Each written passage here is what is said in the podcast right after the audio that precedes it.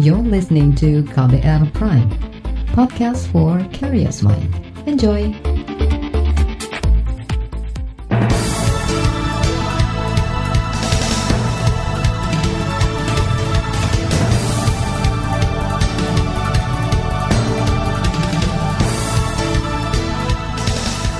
Selamat pagi saudara, senang sekali kami bisa menjumpai Anda kembali melalui program Buletin Pagi edisi Senin 5 Oktober 2020. Bersama saya Don Brady, informasi yang kami hadirkan pagi ini di antaranya rancangan Undang-Undang Omnibus disahkan, buruh ancam demo, Presiden klaim penanganan COVID-19 di Indonesia baik, terkonfirmasi positif puluhan santri sebabkan klaster pondok pesantren. Inilah Buletin Pagi selengkapnya. Terbaru di Buletin Pagi. Saudara pemerintah dan DPR sepakat melanjutkan pembahasan RUU Omnibus Law Cipta Kerja ke tahap 2. Sabtu malam, pemerintah dan DPR telah mengambil keputusan tingkat satu atas pembahasan RUU Cipta Kerja.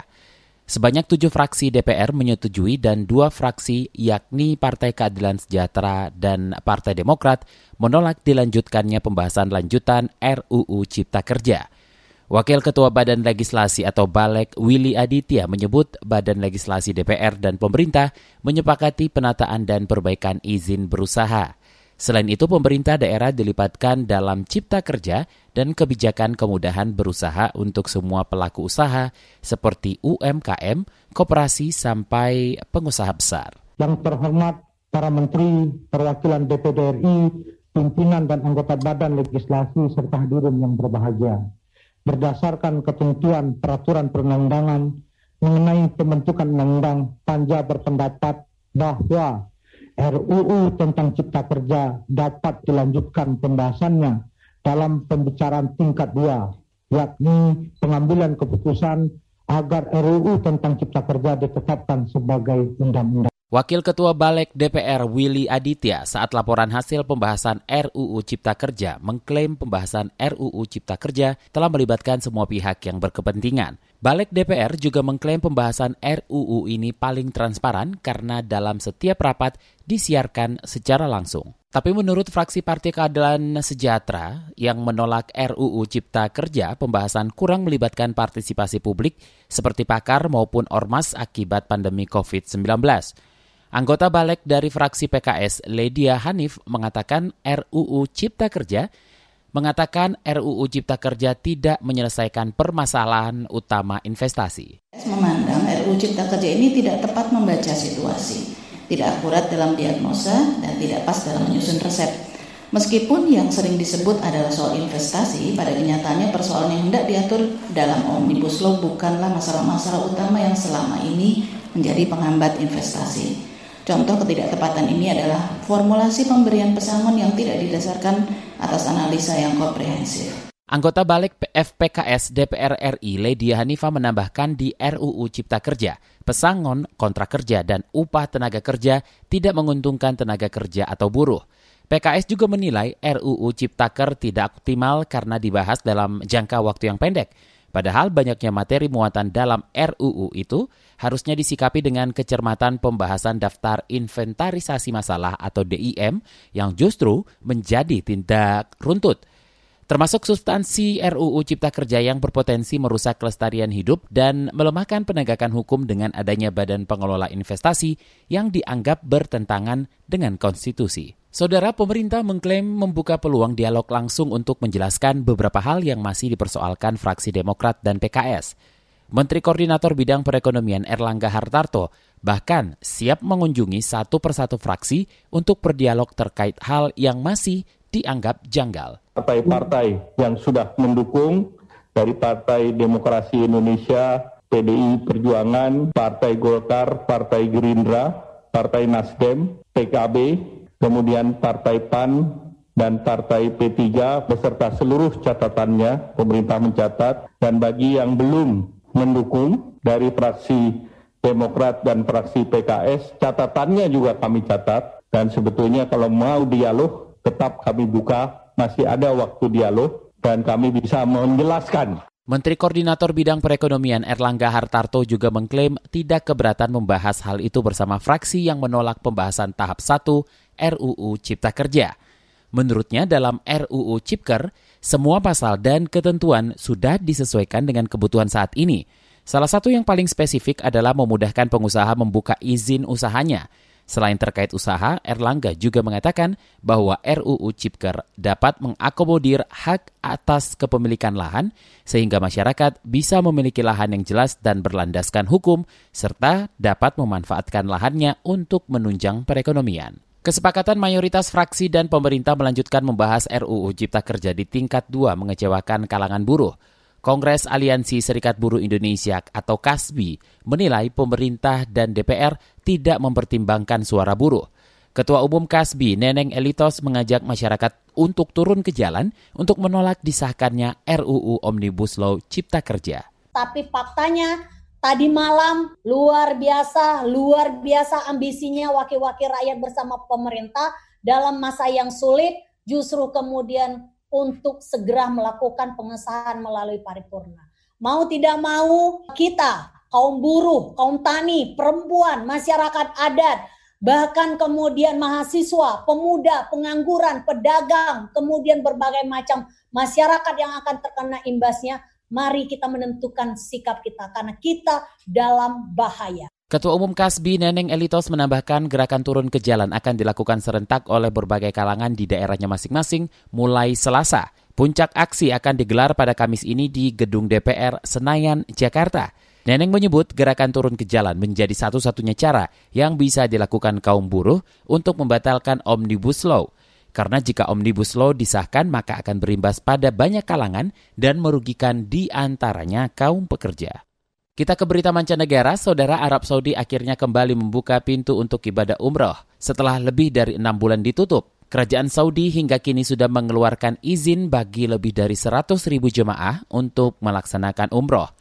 Pemerintah Arab Saudi juga memperlakukan sejumlah pembatasan untuk ibadah umroh yang dimulai Ahad kemarin di antaranya 30 persen dari kapasitas maksimal atau setara 6.000 jemaah per hari dan hanya dibuka untuk jemaah domestik selama sebulan sebelum dibuka untuk jemaah dari luar negeri.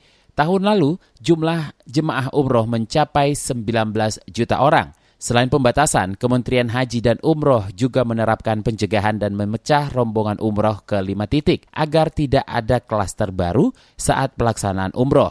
Sementara untuk ibadah haji, pemerintah Arab Saudi belum menetapkan waktu pembukaannya kembali. Saudara Ikatan Dokter Indonesia mencatat tambahan dokter meninggal akibat COVID-19. Informasinya usai jeda, tetaplah di Buletin Pagi KBR. You're listening to KBR Pride, podcast for curious mind. Enjoy!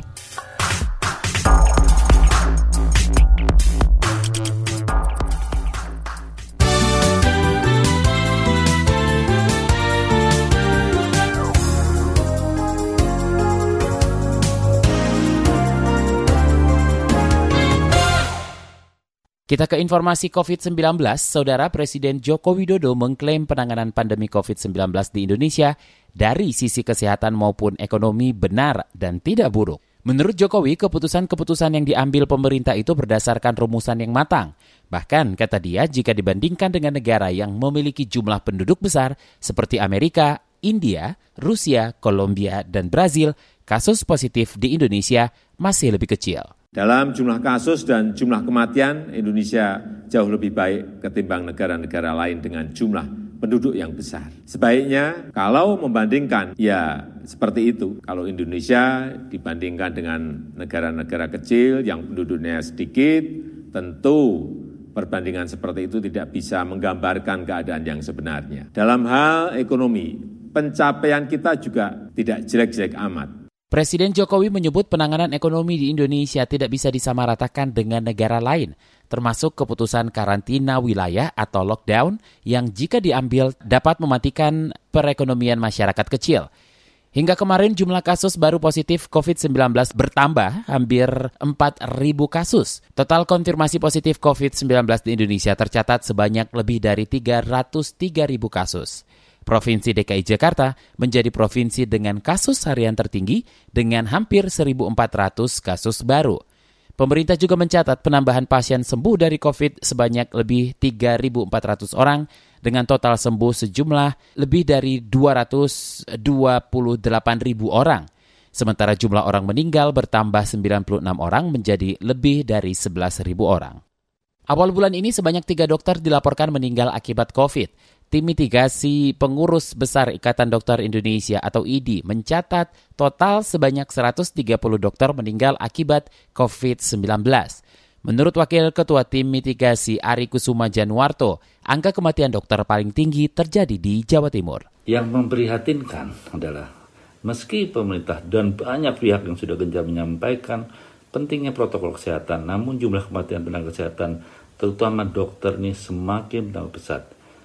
Dan kita tahu angka kematian yang cepat ini membuktikan bahwa masyarakat tidak hanya abai terhadap pelaksanaan protokol kesehatan, namun juga tidak peduli pada keselamatan tenaga kesehatan. Wakil Ketua Tim Mitigasi PBID Ari Kusuma Januarto menegaskan kehilangan tenaga kesehatan merupakan kerugian besar dalam kesehatan. Apalagi jumlah dokter di Indonesia merupakan salah satu yang terendah di Asia dan dunia. Tim mitigasi PBID berharap masyarakat tidak menganggap remeh pandemi COVID-19 dan menjalankan protokol kesehatan. Saudara Komisi Nasional Komnas Perempuan menyayangkan lambatnya penetapan rancangan Undang-Undang Perlindungan Pekerja Rumah Tangga sebagai inisiatif DPR. Saat ini tujuh fraksi telah menyetujui untuk dibahas lebih lanjut.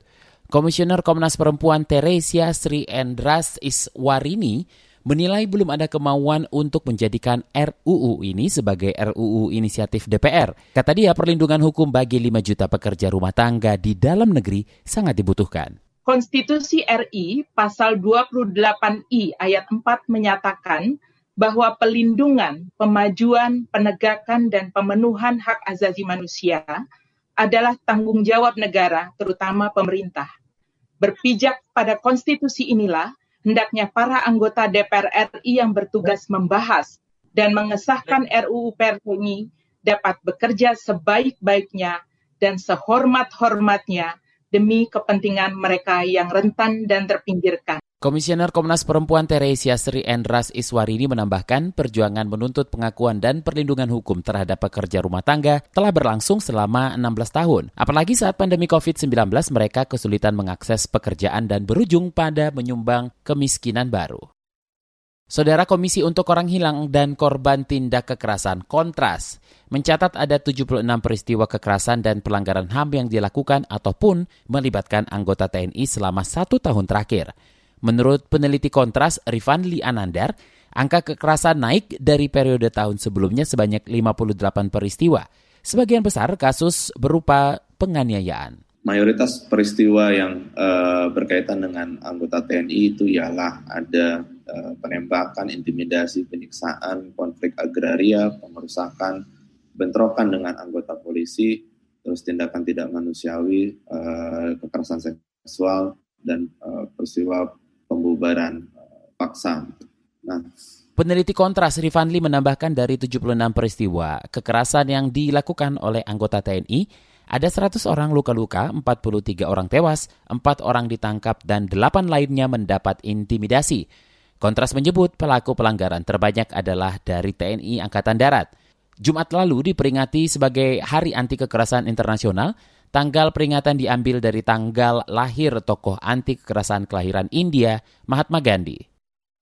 Beralih ke berita olahraga, Arsenal berhasil menyudahi perlawanan Sheffield United lewat kemenangan 2-1 pada lanjutan Liga Inggris di Stadion Emirates minggu malam waktu setempat. Meski mendominasi penguasaan bola sejak menit awal, The Gunners kesulitan untuk mencetak gol di babak pertama.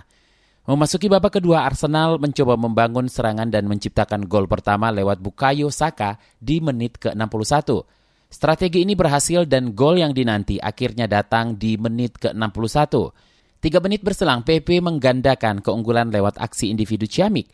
Sementara Sheffield membuat kejutan dengan penampilan agresif di 10 menit terakhir. Skor 2-1 untuk kemenangan atau keunggulan Arsenal bertahan hingga pertandingan akhir. Masih dari berita olahraga, saudara petenis dunia Rafael Nadal melaju ke perempat final Perancis terbuka. Unggulan kedua itu mengalahkan petenis kualifikasi asal Amerika Serikat Sebastian Korda 6-1, 6-1, 6-2 di lapangan Philippe Cartier, Paris, Minggu siang waktu setempat. Usai pertandingan, Nadal mengatakan kesulitan bermain karena kencangnya angin. Nadal yang kini berusia 34 tahun di babak selanjutnya akan menghadapi runner-up US Open Alexander Zverev atau petenis Italia Yannick Sinner. Laporan khas KBR bertajuk Musim Diskon Hukuman bagi Koruptor akan hadir usai jeda. Tetaplah di Buletin Pagi KBR. You're listening to KBR Pride, podcast for curious mind. Enjoy!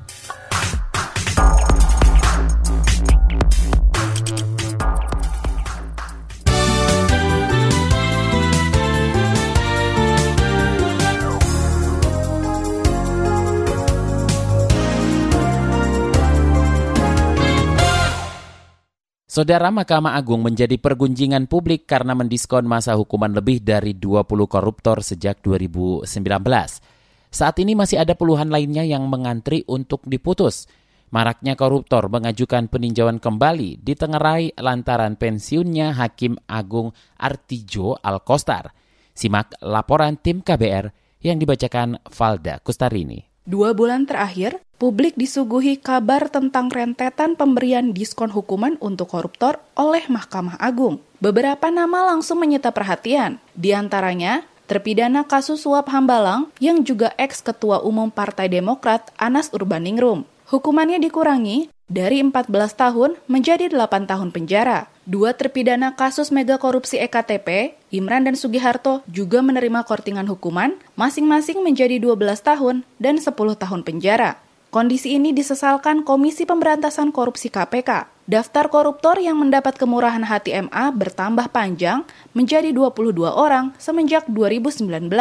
Pelaksana tugas juru bicara KPK, Ali Fikri, Fenomena ini seharusnya dapat dibaca bahwa PK adalah hak dari terpidana, namun dengan banyaknya permohonan PK, jangan sampai kemudian dijadikan modus baru. Ali mengingatkan bahwa korupsi merupakan kejahatan luar biasa. Upaya pemberantasannya lewat pemberian hukuman berat sebagai efek jera. Kemurahan hati MA dinilai kontraproduktif terhadap upaya itu. Hingga kini, KPK belum menerima salinan resmi putusan kasasi terhadap 20-an koruptor yang dikurangi hukumannya. Menurut Wakil Ketua KPK, Nawawi Pamolango, MA harus menjelaskan argumen hukum di balik putusan diskon tersebut. Kita berharap Mahkamah Agung di dalam putusan-putusannya dapat menyertakan argumen yang menjadi legal reasoning uh, pengurangan hukuman-hukuman terdahulu. Nawawi menyebut maraknya korting hukuman koruptor terjadi sejak Hakim Artijo Alkosar pensiun. Selama bertugas, Artijo dikenal galak karena kerap memperberat hukuman pelaku korupsi. Jika dilihat dari daftar penerima diskon hukuman, sejumlah nama pernah merasakan kegalakan Artijo. Di antaranya Anas Urbaningrum, dua terpidana kasus EKTP, Imran dan Sugiharto, serta pengacara Oce Kaligis. Munculnya produk-produk putusan peninjauan kembali ini menjadi begitu berbeda ketika di Mahkamah Agung masih ada sosok-sosok seperti Bapak Artijo Alkosta. Nah, kondisi ini jangan sampai kemudian memunculkan anekdot hukum. Kecaman juga datang dari organisasi anti korupsi ICW. Peneliti ICW, Kurnia Ramadana mengatakan, diskon hukuman bagi koruptor telah mengubur rasa keadilan masyarakat. Kondisi ini bakal semakin memperparah iklim pemberantasan korupsi karena tak adanya efek jera. Pertama, pemberian efek jera akan semakin menjauh. Kedua, kinerja penegak hukum. Dalam hal ini KPK akan menjadi sia-sia saja. Untuk itu, ICW menuntut agar Ketua Mahkamah Agung mengevaluasi penempatan hakim-hakim yang kerap menjatuhkan vonis ringan kepada pelaku korupsi. Pandangan berbeda diungkapkan pakar hukum pidana dari Universitas Islam Indonesia, Muzakir. Menurutnya, tak ada yang salah dengan pengurangan hukuman koruptor yang diputus MA. Pengurangan itu merupakan bagian dari meluruskan putusan sebelumnya seperti yang dibuat Hakim Artijo. Mahkamah Agung semestinya tidak berwenang menambah masa hukuman, melainkan hanya menguji putusan sebelumnya kesepakatan menambah hukuman adalah kesepakatan yang bertentangan dengan KUHAP. Sesungguhnya ini adalah meluruskan praktek hukum yang dipraktekkan secara salah karena tidak memiliki wewenang, kemudian mengembalikan lagi putusan yang di luar kewenangannya itu tadi kepada putusan yang sebelumnya. Muzakir juga tak sependapat jika pengurangan hukuman koruptor itu dianggap melemahkan upaya pemberantasan korupsi. Menurutnya, dua hal itu tak saling berkaitan jaksa KPK juga diundang untuk menyampaikan pendapatnya kan pemeriksaan namanya PK gitu. Kalau faktanya berdasarkan analisis putusan yang sudah tetap itu ternyata ada kekeliruan kan diluruskan sah-sah saja gitu. Justru ngotot bahwa itu harus dinaikkan kembali menurut saya itu adalah hukum berdasarkan kemanusiaan yang tidak adil dan tidak beradab. Pendapat ini didukung pakar hukum pidana dari Universitas Parahyangan, Agustinus Pohan. Menurutnya, korting hukuman koruptor tak bisa serta-merta dianggap memperlemah status korupsi sebagai kejahatan luar biasa. Nggak ada hubungannya sama itu. Dan tidak ada, sebetulnya sampai hari ini, tidak ada prosedur yang berubah mengenai apakah itu luar biasa atau tidak luar biasa. Namun, Agustinus membenarkan bahwa maraknya korting hukuman koruptor merupakan fenomena yang ganjil. Itu sebab ia menyarankan MA segera melakukan evaluasi agar kredibilitasnya sebagai lembaga peradilan tinggi bisa terjaga. Tapi biarkanlah Mahkamah Agung yang melakukan untuk menilai yang salah yang dulu apa yang sekarang. Satu. Tetapi kalau persoalannya adalah perbaikan revisi-revisi ini menimbulkan ketidakpercayaan pada Mahkamah Agung, dengan begini konsekuensinya akan makin banyak orang mengajukan PK. Demikian laporan tim KBR, saya Valda Kustarini. Informasi dari daerah akan kami sajikan usai jeda tetaplah di Buletin Pagi KBR. You're listening to KBR Pride, podcast for curious mind. Enjoy!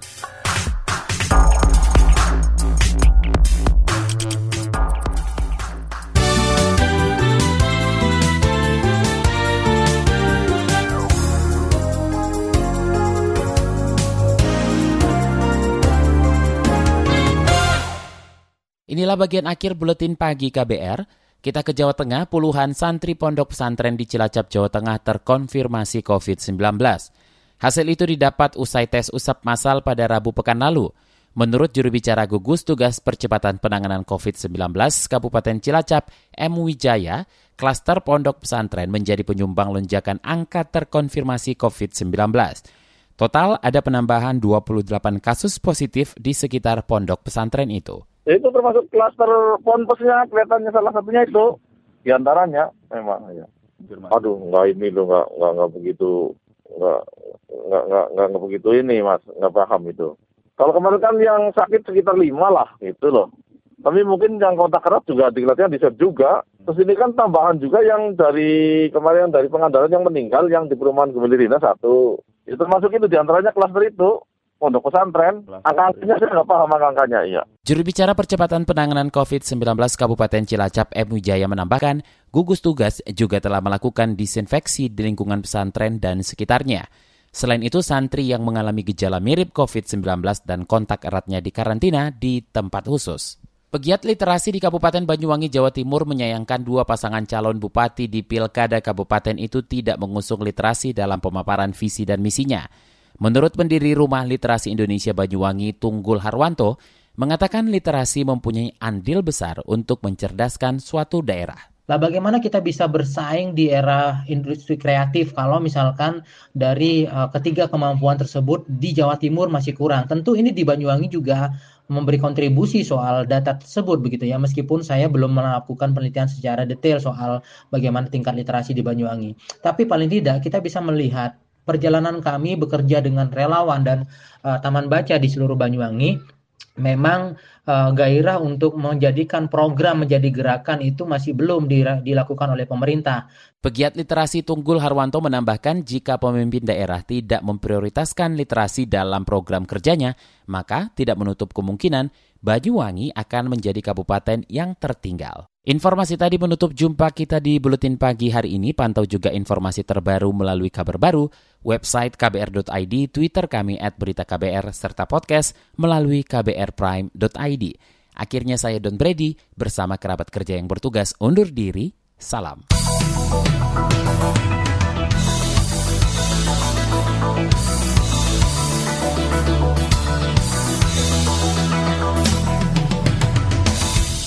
KBR Prime, cara asik mendengar berita.